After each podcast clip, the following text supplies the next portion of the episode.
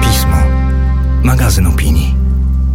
Cześć, tu Zuza Kowalczyk. Witam Was w podcaście A propos, w którym polecam co przeczytać, co obejrzeć i czego posłuchać, aby poszerzyć swoje spojrzenie i wiedzę. Tym razem wyjątkowo niezwiązaną z przewodnim tematem nowego numeru pisma, a z festiwalem Gdynia Design Days, który jest partnerem tego odcinka. Ponieważ wydarzenie to jest związane przede wszystkim z odpowiedzialnym projektowaniem, to tym razem polecę Wam, mam nadzieję, ciekawe, pogłębione i choć trochę inspirujące teksty kultury a propos zrównoważonego designu. Zacznijmy może od tego, co to właściwie znaczy zrównoważony design, bo choć w pierwszym rzucie określenie to może się kojarzyć z jakąś znaczeniową wydmuszką, to donosi się ono w rzeczywistości do bardzo potrzebnych i bardzo ważnych praktyk związanych z projektowaniem realnych zmian i uwzględnianiem realnych potrzeb. Wywodzi się ono oczywiście z pojęcia zrównoważonego rozwoju, czyli takiego sposobu myślenia o zarządzaniu zasobami, którego nadrzędnym celem nie jest ten nieograniczony, niepohamowany i ciągły wzrost zysków, czyli naczelne przykazanie neoliberalnego kapitalizmu, ale ogólny, powszechny dobrobyt, w drodze do osiągnięcia którego uwzględnia się wszelkie koszty i te społeczne, i środowiskowe, oraz patrzy się w przód na możliwe skutki podejmowanych działań w przyszłości. No i w tak ukierunkowanym sposobie myślenia chodzi mniej więcej o to, żeby wzrost gospodarczy nie był celem samym w sobie, ale raczej narzędziem do osiągnięcia celu. A takim celem ma być bezpieczeństwo, zdrowie, szczęście i komfort jak największej liczby ludzi. No dobra, ale aby ten zrównoważony rozwój mógł się faktycznie zadziać, e, potrzebny jest taki sposób projektowania zmian i rozwiązań, który byłby oparty na tych samych założeniach, wartościach i celach.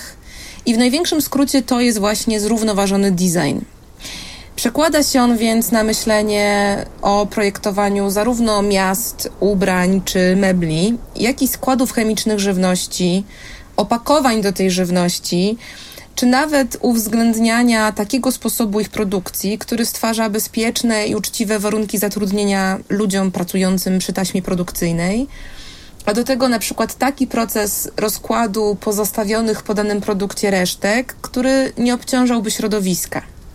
Design jest więc przede wszystkim sposobem, w jaki dany przedmiot lub praktyka wpływa na otoczenie, Otoczenie od stanu przyrody po zachowanie konsumenta, czy mieszkańca, czy pracodawcy.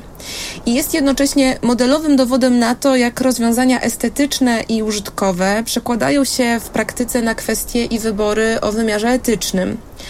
Nic zatem dziwnego, że świadomość konieczności stawiania na ten zrównoważony design jest pochodną rosnącej świadomości co do kryzysu, przede wszystkim klimatycznego i związanego z wyczerpywaniem się zasobów ziemi i przerzucaniem tych wysokich kosztów wzmożonej industrializacji do coraz bardziej wyniszczonego środowiska ale też świadomości co do fatalnego skutku nierówności społecznych na rozwój nowoczesnego świata i tym podobnych kwestii.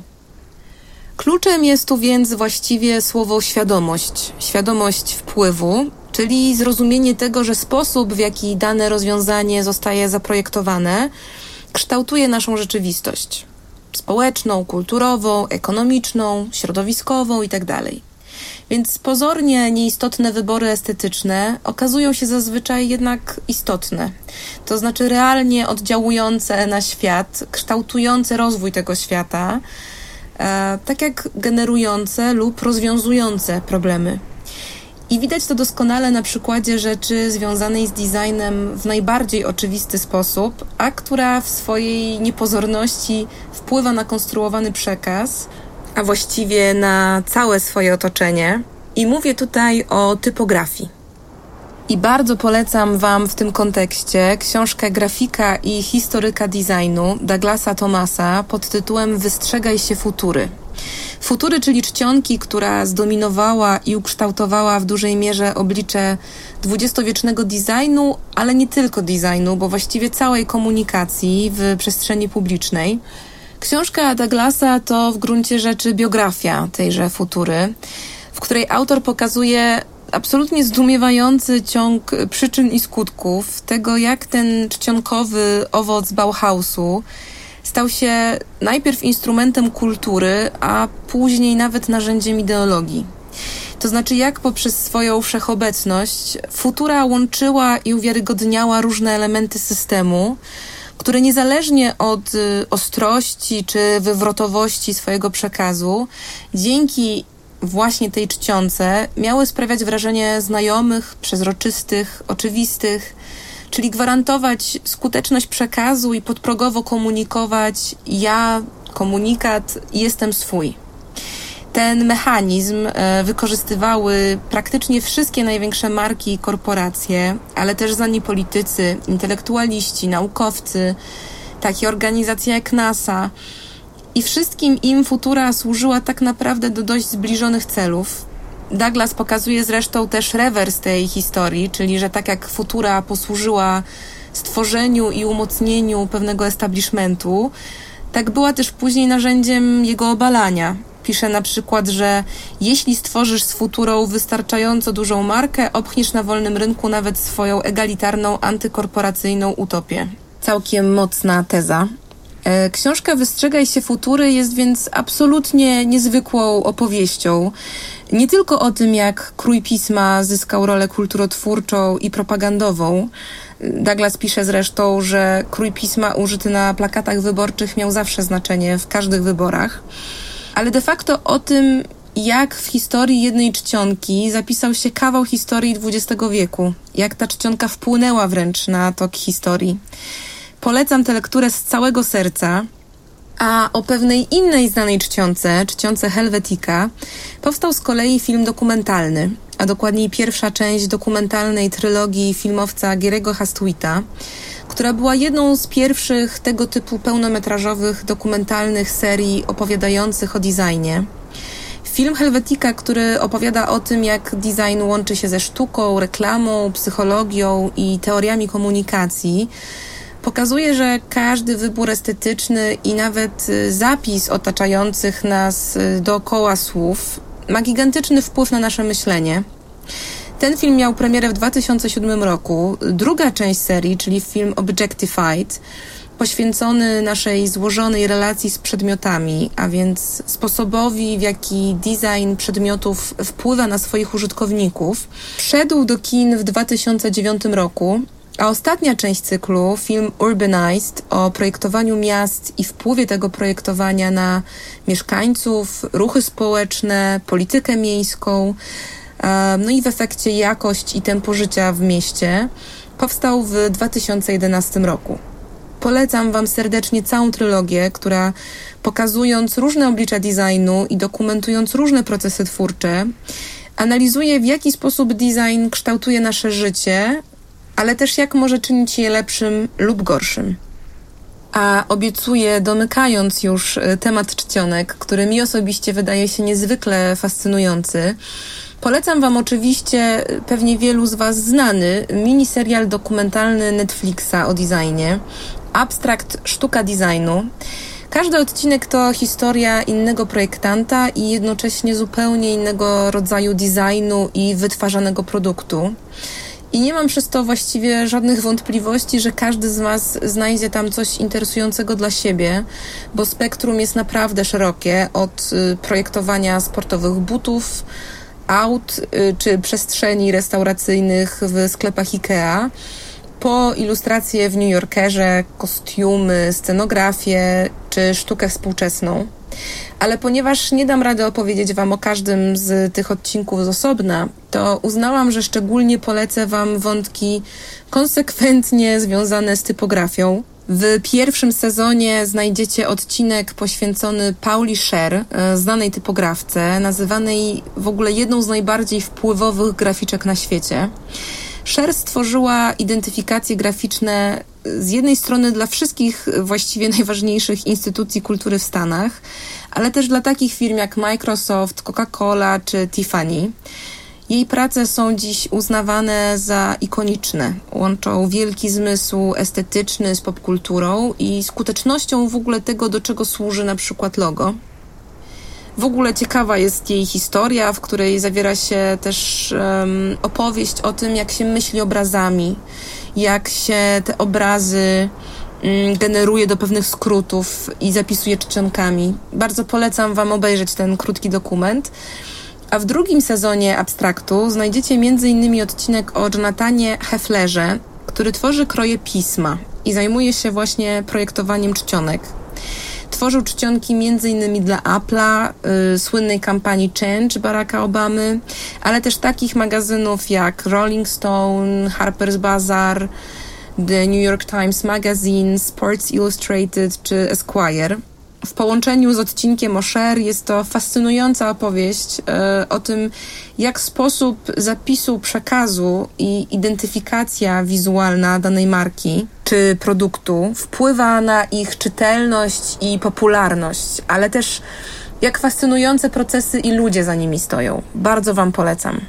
A skoro o fascynujących procesach i ludziach mowa, mm, to jeden z odcinków abstraktu jest też o Neri Oxman, projektantce, profesorce MIT, ekolożce i architektce, której portret publikowaliśmy w marcowym numerze pisma.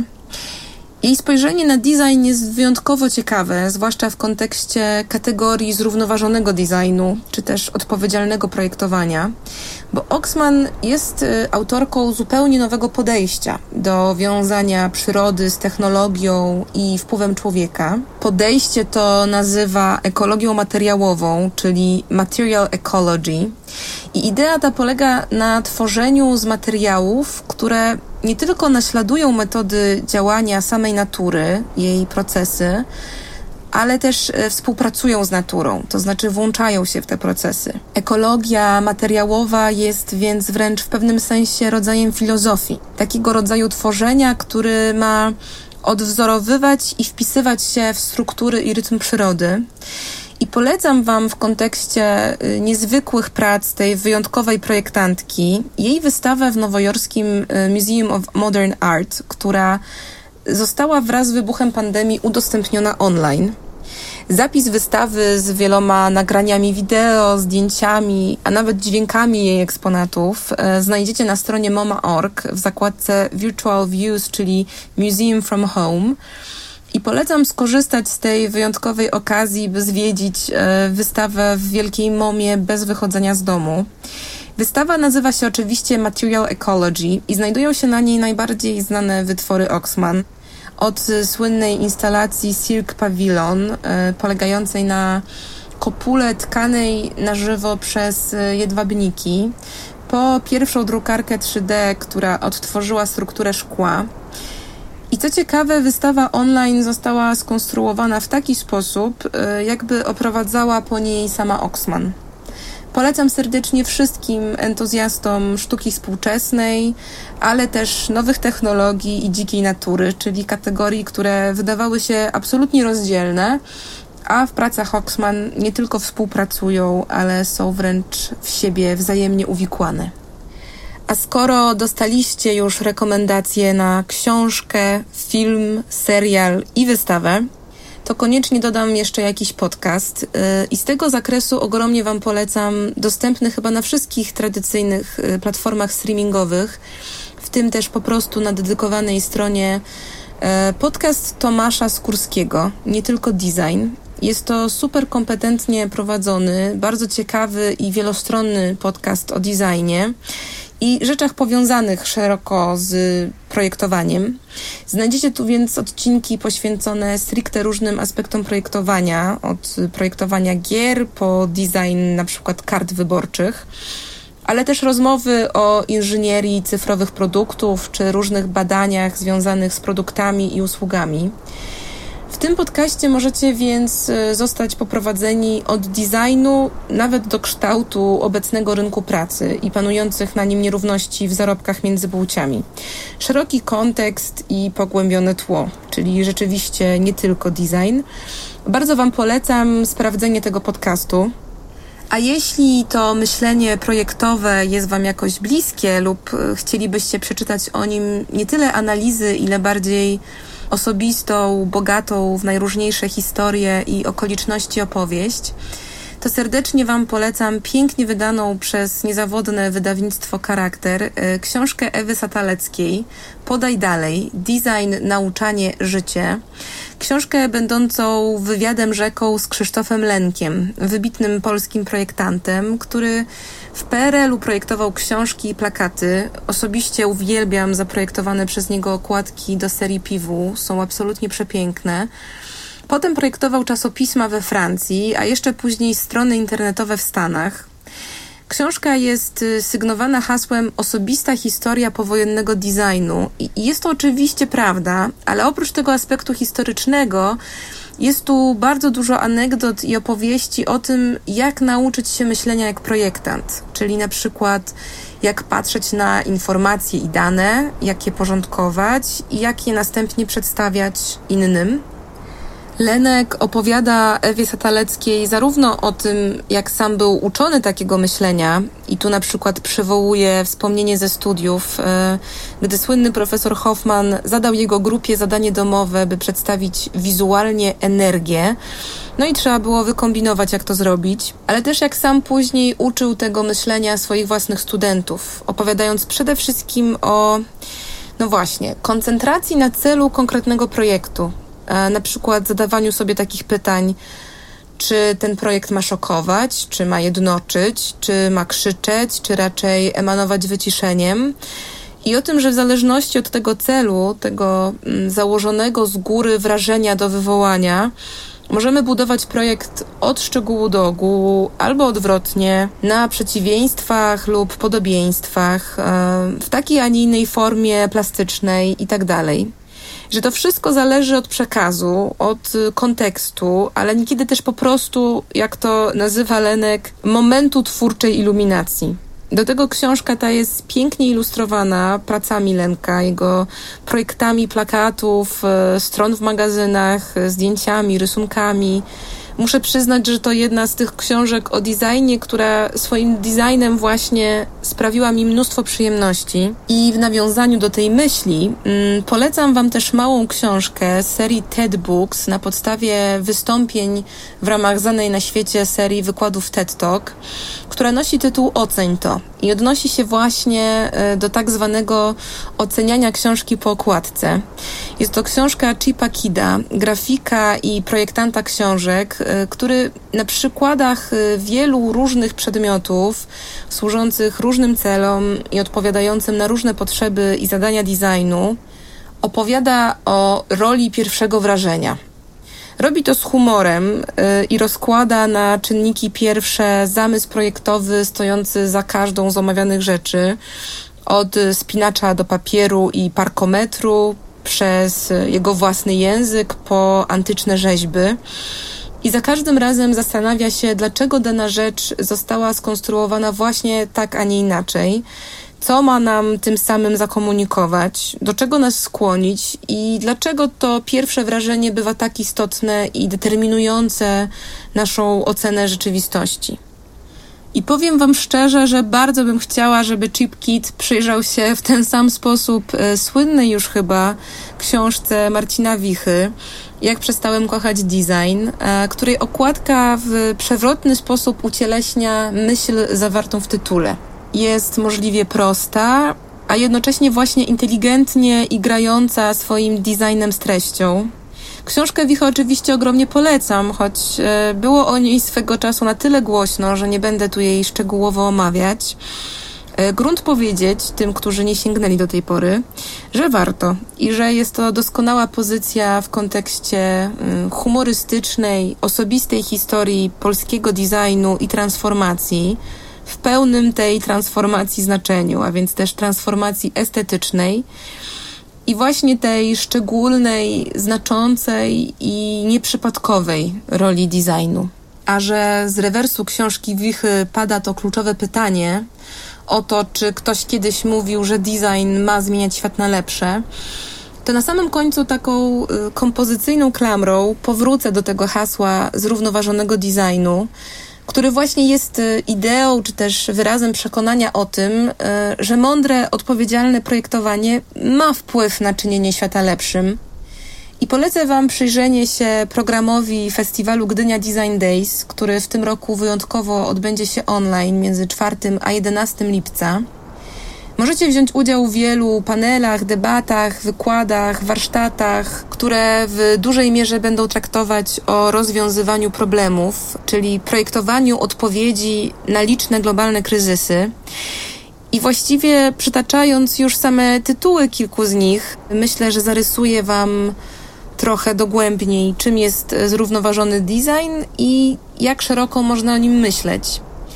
Zaczynając od wykładu, czy design może być zrównoważony, nadkonsumpcja jako zadanie projektowe, e, podczas którego będzie mowa o związkach projektowania z kapitalizmem, e, ale też o tym, jakie są nowe zadania dla designu w XXI wieku.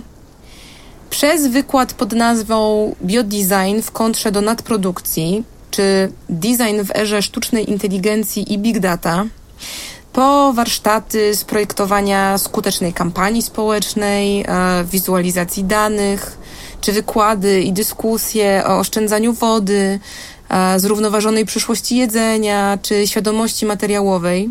Koniecznie sprawdźcie program i zapisujcie się na wydarzenia w sieci. Mm, mam takie poczucie, że niezależnie od branży, w której pracujecie, od, nie wiem, być może studiowanego kierunku studiów, czy obszaru zainteresowań. E, na pewno każdy z Was znajdzie coś dla siebie.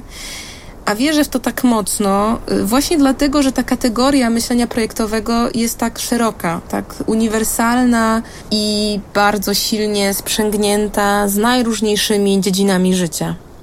Serdecznie Was do tego zachęcam i słyszymy się niebawem w kolejnych odcinkach podcastu A propos. Do usłyszenia.